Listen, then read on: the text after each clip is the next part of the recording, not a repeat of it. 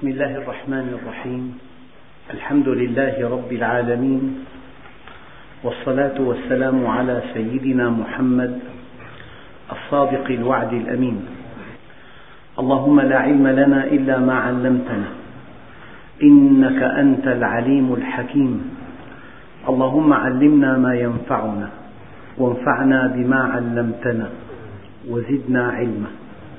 وأرنا الحق حقا وارزقنا اتباعه. وأرنا الباطل باطلا وارزقنا اجتنابه. واجعلنا ممن يستمعون القول فيتبعون أحسنه. وأدخلنا برحمتك في عبادك الصالحين. أيها الإخوة المؤمنون مع الدرس السادس والعشرين من دروس سورة المائدة ومع الآية الخمسين وهي قوله تعالى أفحكم الجاهلية يبغون ومن أحسن من الله حكما لقوم يوقنون. أيها الإخوة الكرام الكلمة في اللغة تدل على معنى فإذا قلت جبل قفز إلى ذهنك معنى الجبل أو قفزت إلى ذهنك صورة الجبل. فهناك اسم وهناك مسمى فالاسم يشير إلى المسمى.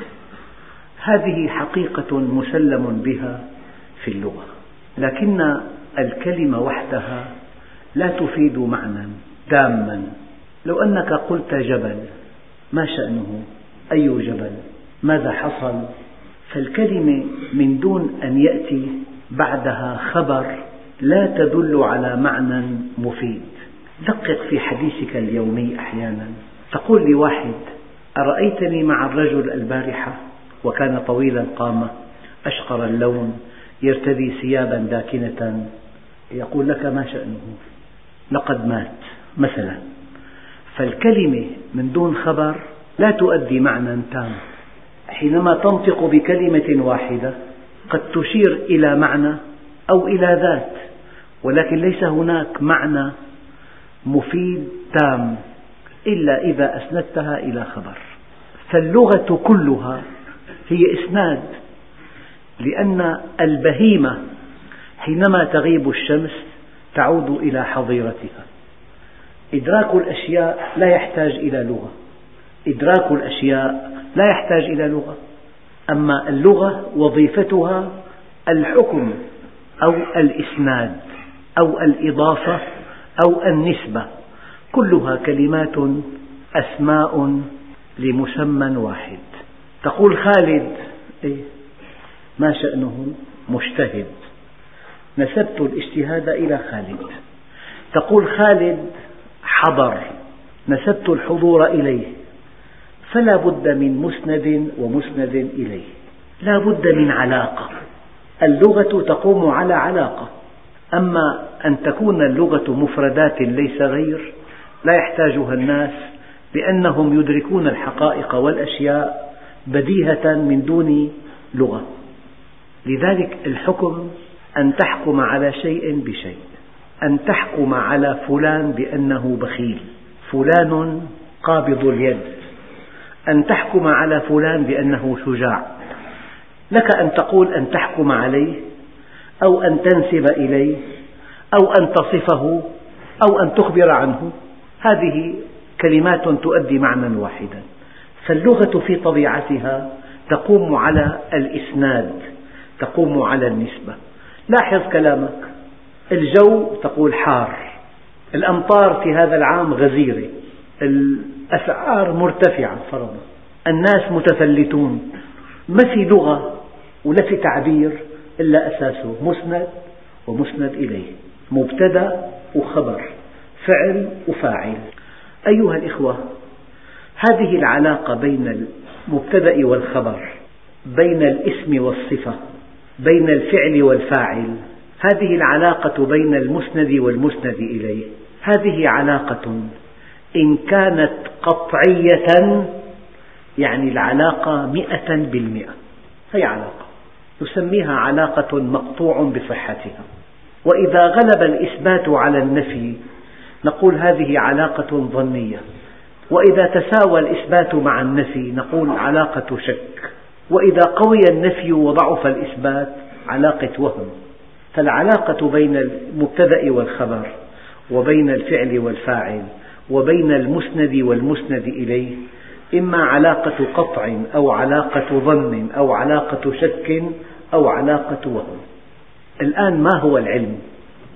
علاقة أو مسند ومسند إليه أو مبتدأ وخبر أو فعل وفاعل أو علاقة.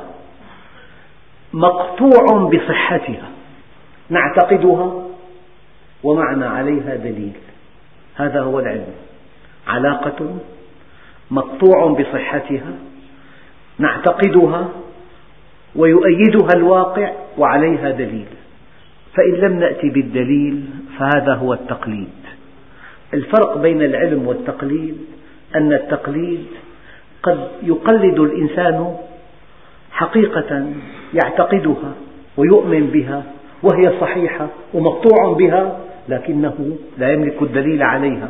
فلو قال طفل لا إله إلا الله هو ينطق بها ويعتقدها وهي صحيحة ومقطوع بها لكن الطفل لا يملك التأكيد.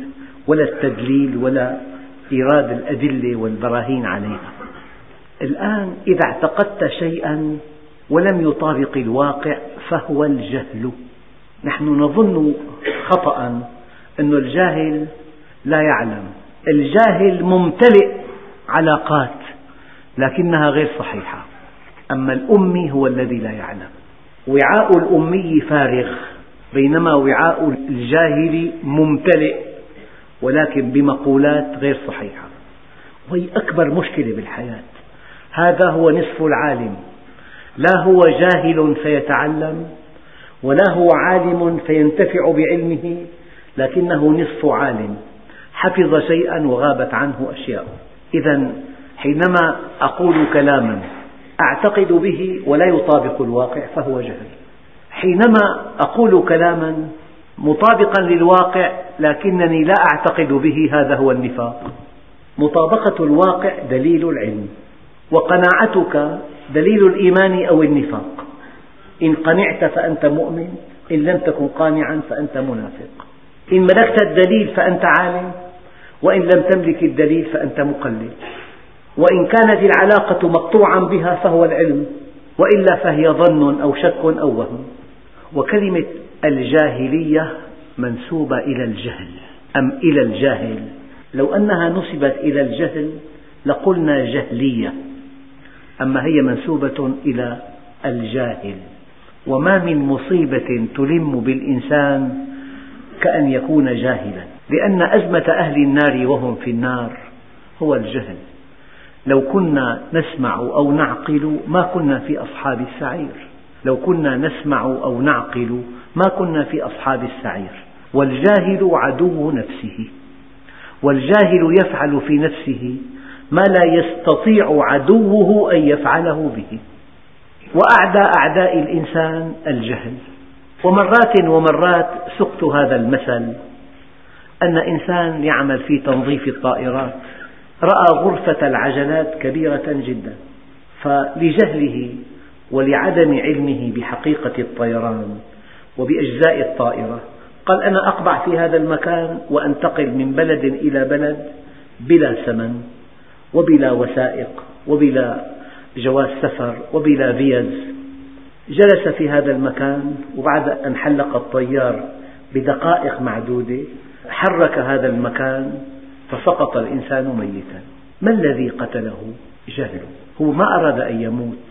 أراد أن يصل إلى بلد بعيد بلا ثمن وبلا وثائق وبلا موافقات وظن أنه أذكى من كل الناس ولكن الذي قتله جهله. فالجاهل يفعل في نفسه ما لا يستطيع عدوه أن يفعله به. لذلك الإنسان من شدة حبه لذاته ينبغي أن يتعلم لأن كل إنسان مجبول على حب وجوده وعلى حب سلامة وجوده وعلى حب كمال وجوده وعلى حب استمرار وجوده. من اهتدى فإنما يهتدي لنفسه ومن ضل فإنما يضل عليها. وإذا قلت لكم لا تحبوا أحدا أحبوا ذواتكم. إن أحببتم ذواتكم ينبغي أن تطلبوا العلم وأن تعملوا به. والله عز وجل يبين أن الإنسان خاسر ما لم والعصر إن الإنسان لفي خسر إلا. الذين آمنوا وعملوا الصالحات وتواصوا بالحق وتواصوا بالصبر. يعني ما لم تطلب العلم وما لم تعمل بما علمت وما لم تدع إلى ما علمت وما لم تصبر على طلب العلم وتطبيقه وتعليمه أنت خاسر لا محالة لأن مضي الزمن يستهلكك. أنت بضعة أيام كلما انقضى يوم انقضى بضع منك. كبعض التأكيدات لما قلت واحد حينما أعلن إسلامه قال وأشهد أن محمدا رسول الله. قال له رجل أعرابي وما له؟ أشهد أن محمدا. حينما قال رسول الله. صفة. أين الخبر؟ قال له وما له. أما إذا قال أشهد أن محمدا رسول الله. هذا هو الخبر. المعنى ناقص ما لم يكن مخبرا عنه يعني من طرائف اللغة. عندنا في اللغة مفرد وجملة. قد أقول عشرين كلمة وهي في التصنيف مفرد وقد أقول حرفا واحدا وهو في التصنيف جملة. يعني كمثل طريف لو أنني قلت رئيس مجلس إدارة مؤسسة إعادة تسيير الخط الحديدي الحجازي في القطر العربي السوري. إيه؟ ما له مفرد هذا. أما حينما أقول قي حرف من وقى يقي قي والفاعل ضمير مستتر جملة الحرف جملة والعشرين كلمة مفرد. المفرد لا يعطي معنى تاما. بينك وبين أقربائك. قل فلان واسكت. يقال لك ما له؟ حضر سافر اعتمر أدى الحج. اللغة مبنية على الخبر على الإسناد على الحكم. فالآن الدين حق هذا حكم. الدين أفيون الشعوب كمان حكم. بس الحكم الأول حق والثاني باطل. محمد رسول الله حكم. محمد عبقري فقط هذا جهل. ليس عبقريا هو عبقري لكن مهمته ليس عبقريا. مهمته أنه نبي يوحى إليه. فمن هو الجاهل؟ يعني ممتلئ حتى قمة رأسه بأحكام غير صحيحة. كل تفكيره غير صحيح. اجلس مع أهل الدنيا مع الشاردين. كل أحكام غير صحيحة. فالجاهل ليس الذي لا يعلم ولكن الجاهل هو الذي يمتلئ مقولات غير صحيحة. الله عز وجل يقول أفحكم الجاهلية يبغون؟ يعني المال ينمو بالربا المرأة مباحة لكل الرجال هكذا كانوا في الجاهلية. كان يقول الرجل لزوجته اذهبي فابتضعي من فلان. في فوضى جنسية وفوضى في العلاقات العقل لا يصدقها. أفحكم الجاهلية يبغون؟ القوي يأكل الضعيف الغني يلتهم الفقير الشهوات تعبد من دون الله. الضعيف يسحق. البنت تؤد في التراب وإذا الموءودة سئلت بأي ذنب قتلت أفحكم الجاهلية يبغون؟ قال بعض الصحابة الحمد لله الذي أخرجنا من جور الحكام إلى عدل الإسلام. الأباطرة والقياصرة كانوا طغاة جبارين في الأرض فصار المسلم يشعر بحريته ويشعر بكرامته. يعني سيدنا أبو بكر رضي الله عنه رأى صفوان بن أمية يعذب بلالا فاشتراه منه. قال والله لو دفعت به درهما لبعتكه. قال له والله لو طلبت به مئة ألف لدفعتها لك. أعطيتك إياها. هذا أخي حقا. وكان أصحاب رسول الله إذا ذكروا الصديق يقولون هو سيدنا وأعتق سيدنا يقصدون بلالا. هذا حكم الإسلام حكم المساواة. الناس سواسية كأسنان المشط. لا فضل لعربي على أعجمي إلا بالتقوى. إن أكرمكم عند الله أتقاكم. سلمان منا آل البيت. نعم العبد صهيب. لو لم يخف الله لم يعصه. تبت يدا أبي لهب وتب. سلمان منا آل البيت. الإسلام مبادئ والإسلام قواعد والإسلام قيم. أفحكم الجاهلية يبغون؟ وحينما قال الله عز وجل ولا تبرجن تبرج الجاهلية الأولى. هذه إشارة دقيقة إلى أن هناك جاهلية ثانية. فقد كما ترون يئن العالم بالظلم لا. يئن بالقتل يئن بالقمع يئن بالسحق. القوي يأكل الضعيف. شعار القوي أنت قوي أنت على حق. الحق يعني القوة فقط. أيها الإخوة أفحكم الجاهلية يبغون؟ ومن أحسن من الله حكما لقوم يوقنون. هذا اسمه استفهام تقريري. يعني يغلب على هذا الدرس الطابع اللغوي والبلاغي. استفهام تقريري. أنا أسألك كم الساعة الآن؟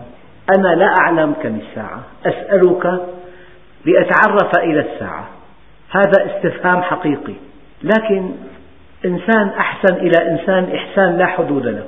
وهذا الإنسان جحد إحسان المحسن. إذا قال المحسن لفلان ألم أحسن إليك؟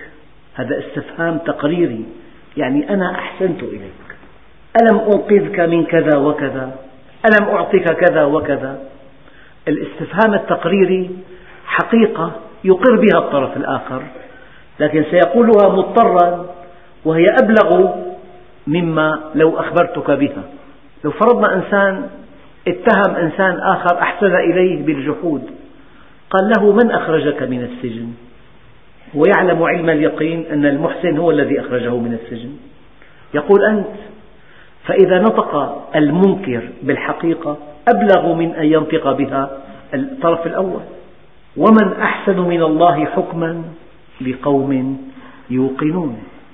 أخواننا الكرام اليقين درجات.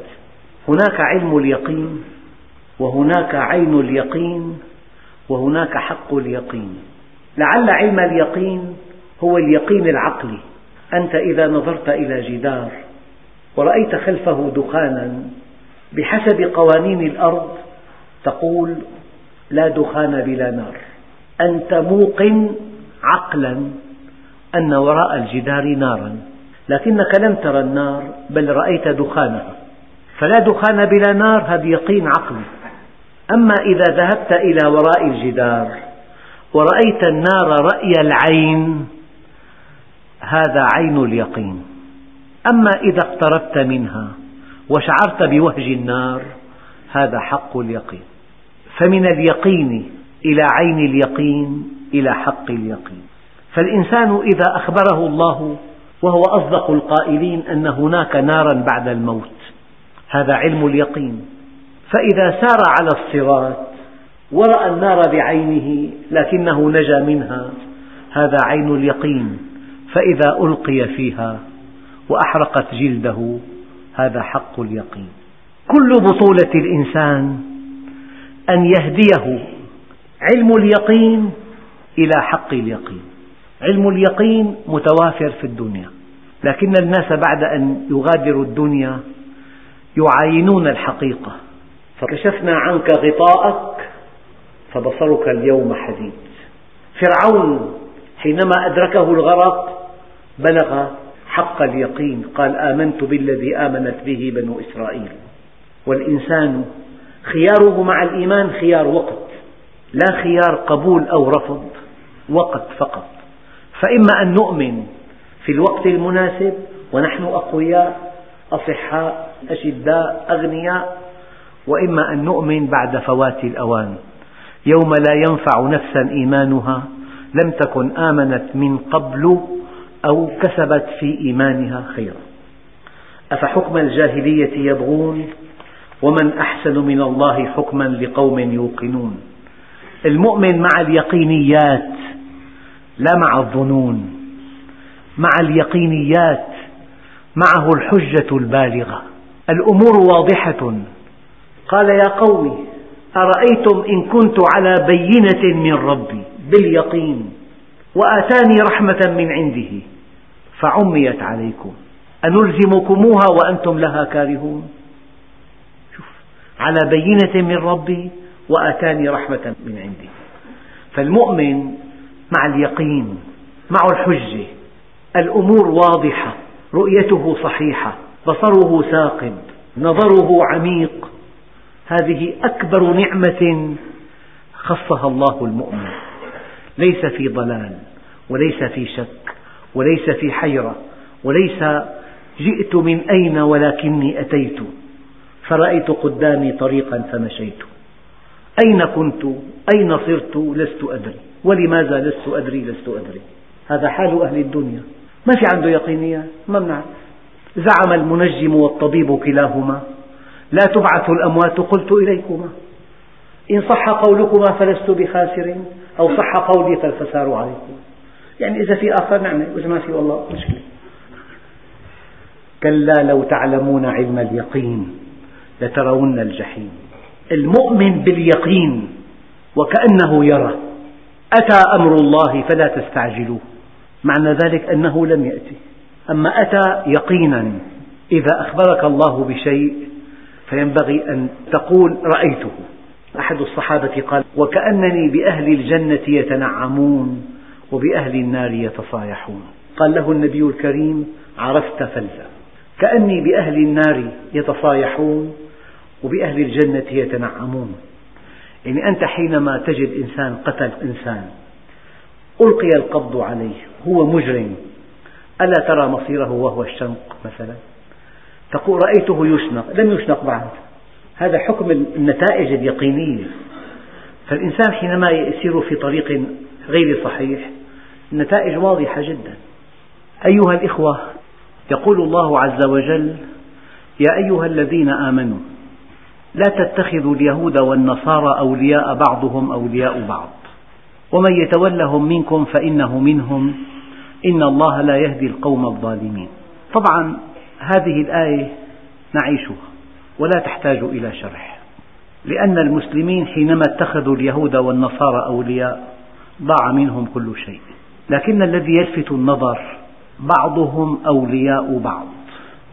قد يكون بين هؤلاء وهؤلاء عداوات لا يعلمها إلا الله ولكنهم أمام قضية المسلمين صف واحد شرقا وغربا. بعضهم أولياء بعض هم أمام الحق يتعاونون أمام الحق يتحدون أمام الحق يتوافقون. بعضهم أولياء بعض ومن يتولهم منكم فإنه منهم. هذا الموضوع يقودنا إلى الولاء والبراء. الولاء أن توالي المؤمنين أن تحبهم أن تنصرهم أن تنصحهم أن تحمل همومهم أن تخفف عنهم أن تنتمي إليهم ألا تستحي بهم. اللهم اهد قومي إنهم لا يعلمون. هذا هو الولاء. والبراء أن تتبرأ من الطرف الآخر. ولو كانوا أقوياء ولو كانوا أغنياء ولو كانوا مصدر رزقك.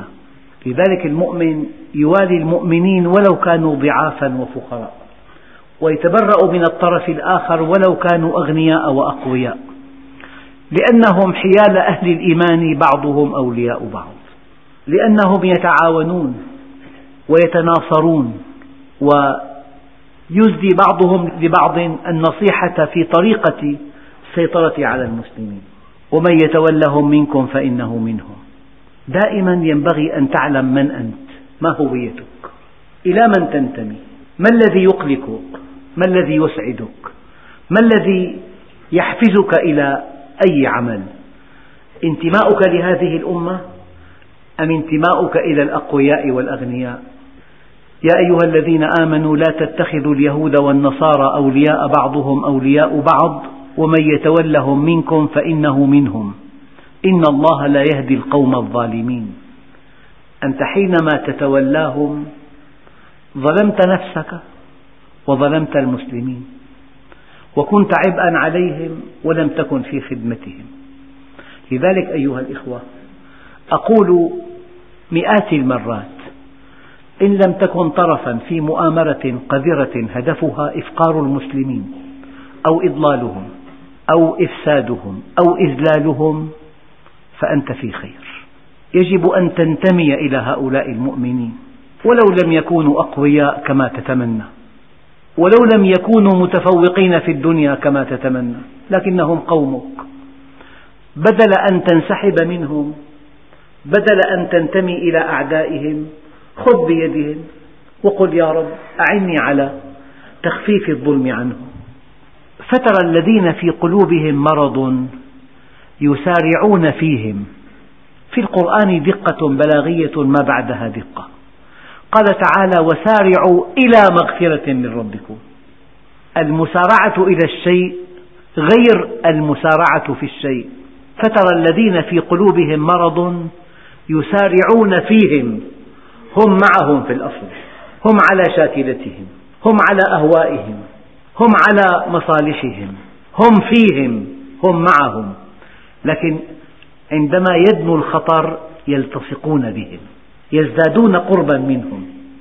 هم في الأصل معهم هم فيهم في بوتقة واحدة. لكنهم حينما يلوح خطر يزدادون التصاقا بهم. فترى الذين في قلوبهم مرض يسارعون فيهم وقد تجد معاني هذه الآيات محققة على أرض الواقع وتراها رأي العين. يقولون نخشى أن تصيبنا دائرة.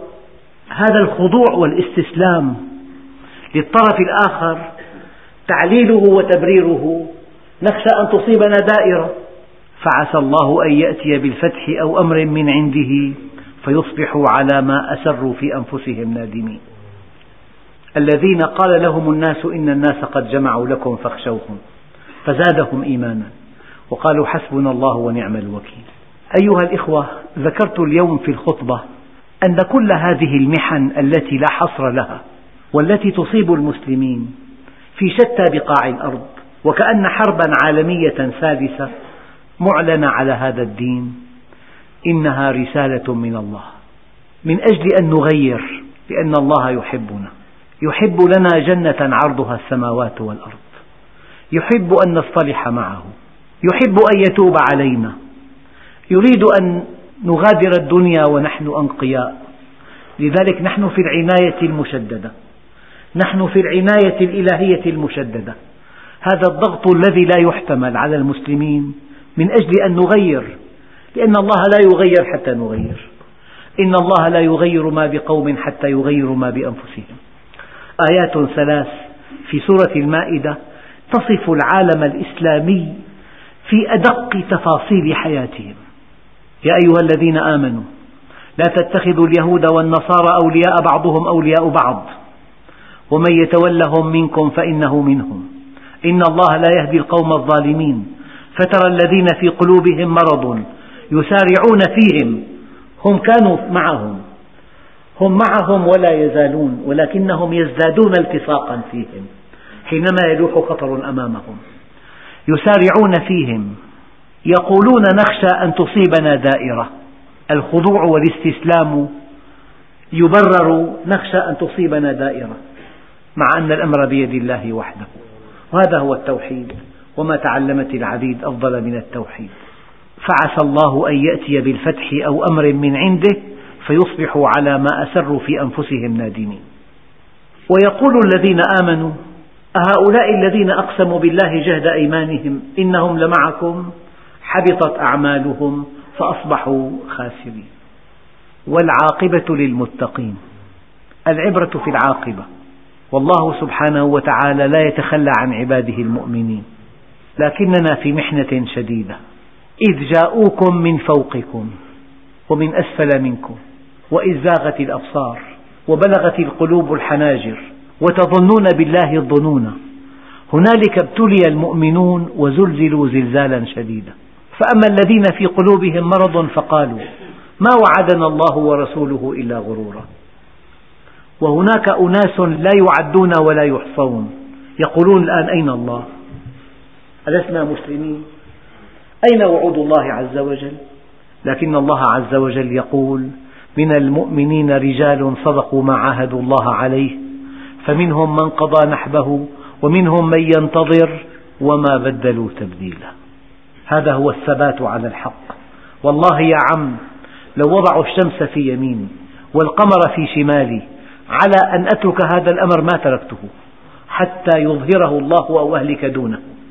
ويقول الذين آمنوا أهؤلاء الذين أقسموا بالله جهد أيمانهم إنهم لمعكم حبطت أعمالهم فأصبحوا خاسرين.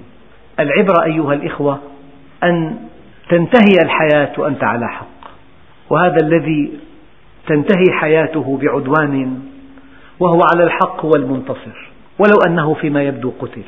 النصر المبدئي أن تموت مؤمنا كما مات أصحاب الأخدود وكما ماشطة بنت فرعون. الأمور أيها الإخوة واضحة وضوح الشمس.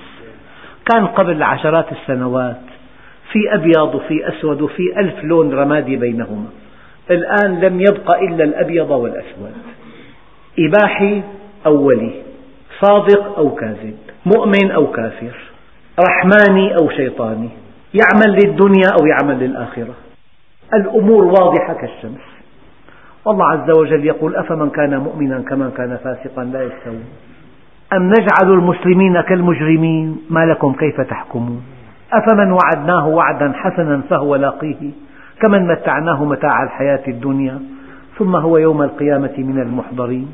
هذه الآيات أيها الإخوة تدعونا إلى أن نؤمن بكل خلية في أجسامنا وبكل قطرة في دمائنا أنه كلام الله لأن الله يصف ما يجري بدقة بالغة.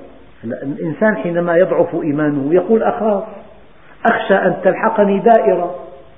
هو يخضع ويغير المناهج ويلغي دروس العلم خوفا من أن تصيبهم دائرة لكنه نسي أن الأمر بيد الله. وأن الأمر كله بيد الله وأنه ما شاء الله كان وما لم يشأ لم يكن وأنه إليه يرجع الأمر كله وأنه في السماء إله وفي الأرض إله وما أمرنا أن نعبده إلا بعد أن طمأننا إليه يرجع الأمر كله فاعبده وتوكل عليه وأنه لا إله إلا الله لا رافع ولا خافض ولا معز ولا مذل إلا الله وأن جهة في الأرض مهما قويت لا تستطيع أن تحول بين الله وبين هداية خلقه. إنهم يتوعدون ويهددون ليمتحن إيمان المؤمنين. أتخشون الناس؟ والله أحق أن تخشوه. وفي درس قادم إن شاء الله نتابع الآيات التي تبدأ بقوله تعالى يا أيها الذين آمنوا من يرتد منكم عن دينه فسوف يأتي الله بقوم يحبهم ويحبونه. أذلة على المؤمنين أعزة على الكافرين. يجاهدون في سبيل الله ولا يخافون لومة لائم. ذلك فضل الله يؤتيه من يشاء والله واسع عليم. يعني ضعاف الإيمان عند الشدائد يضعف إيمانهم وقد يفقدون إيمانهم ويتبعون القوي خوفا منه. لكن المؤمنين لا يرتدون عن دينهم لأنهم يحبون الله والله يحبهم. الذي يحب الله لا يرتد عن دينه. والله عز وجل له امتحانان صعبان جدا. الامتحان الأول يقوي الكافر ويقوي الكافر حتى يفعل ما يقول ويفعل ما يريد إلى أن يقول ضعيف الإيمان أين الله. نحن جاء دورنا في هذا الامتحان.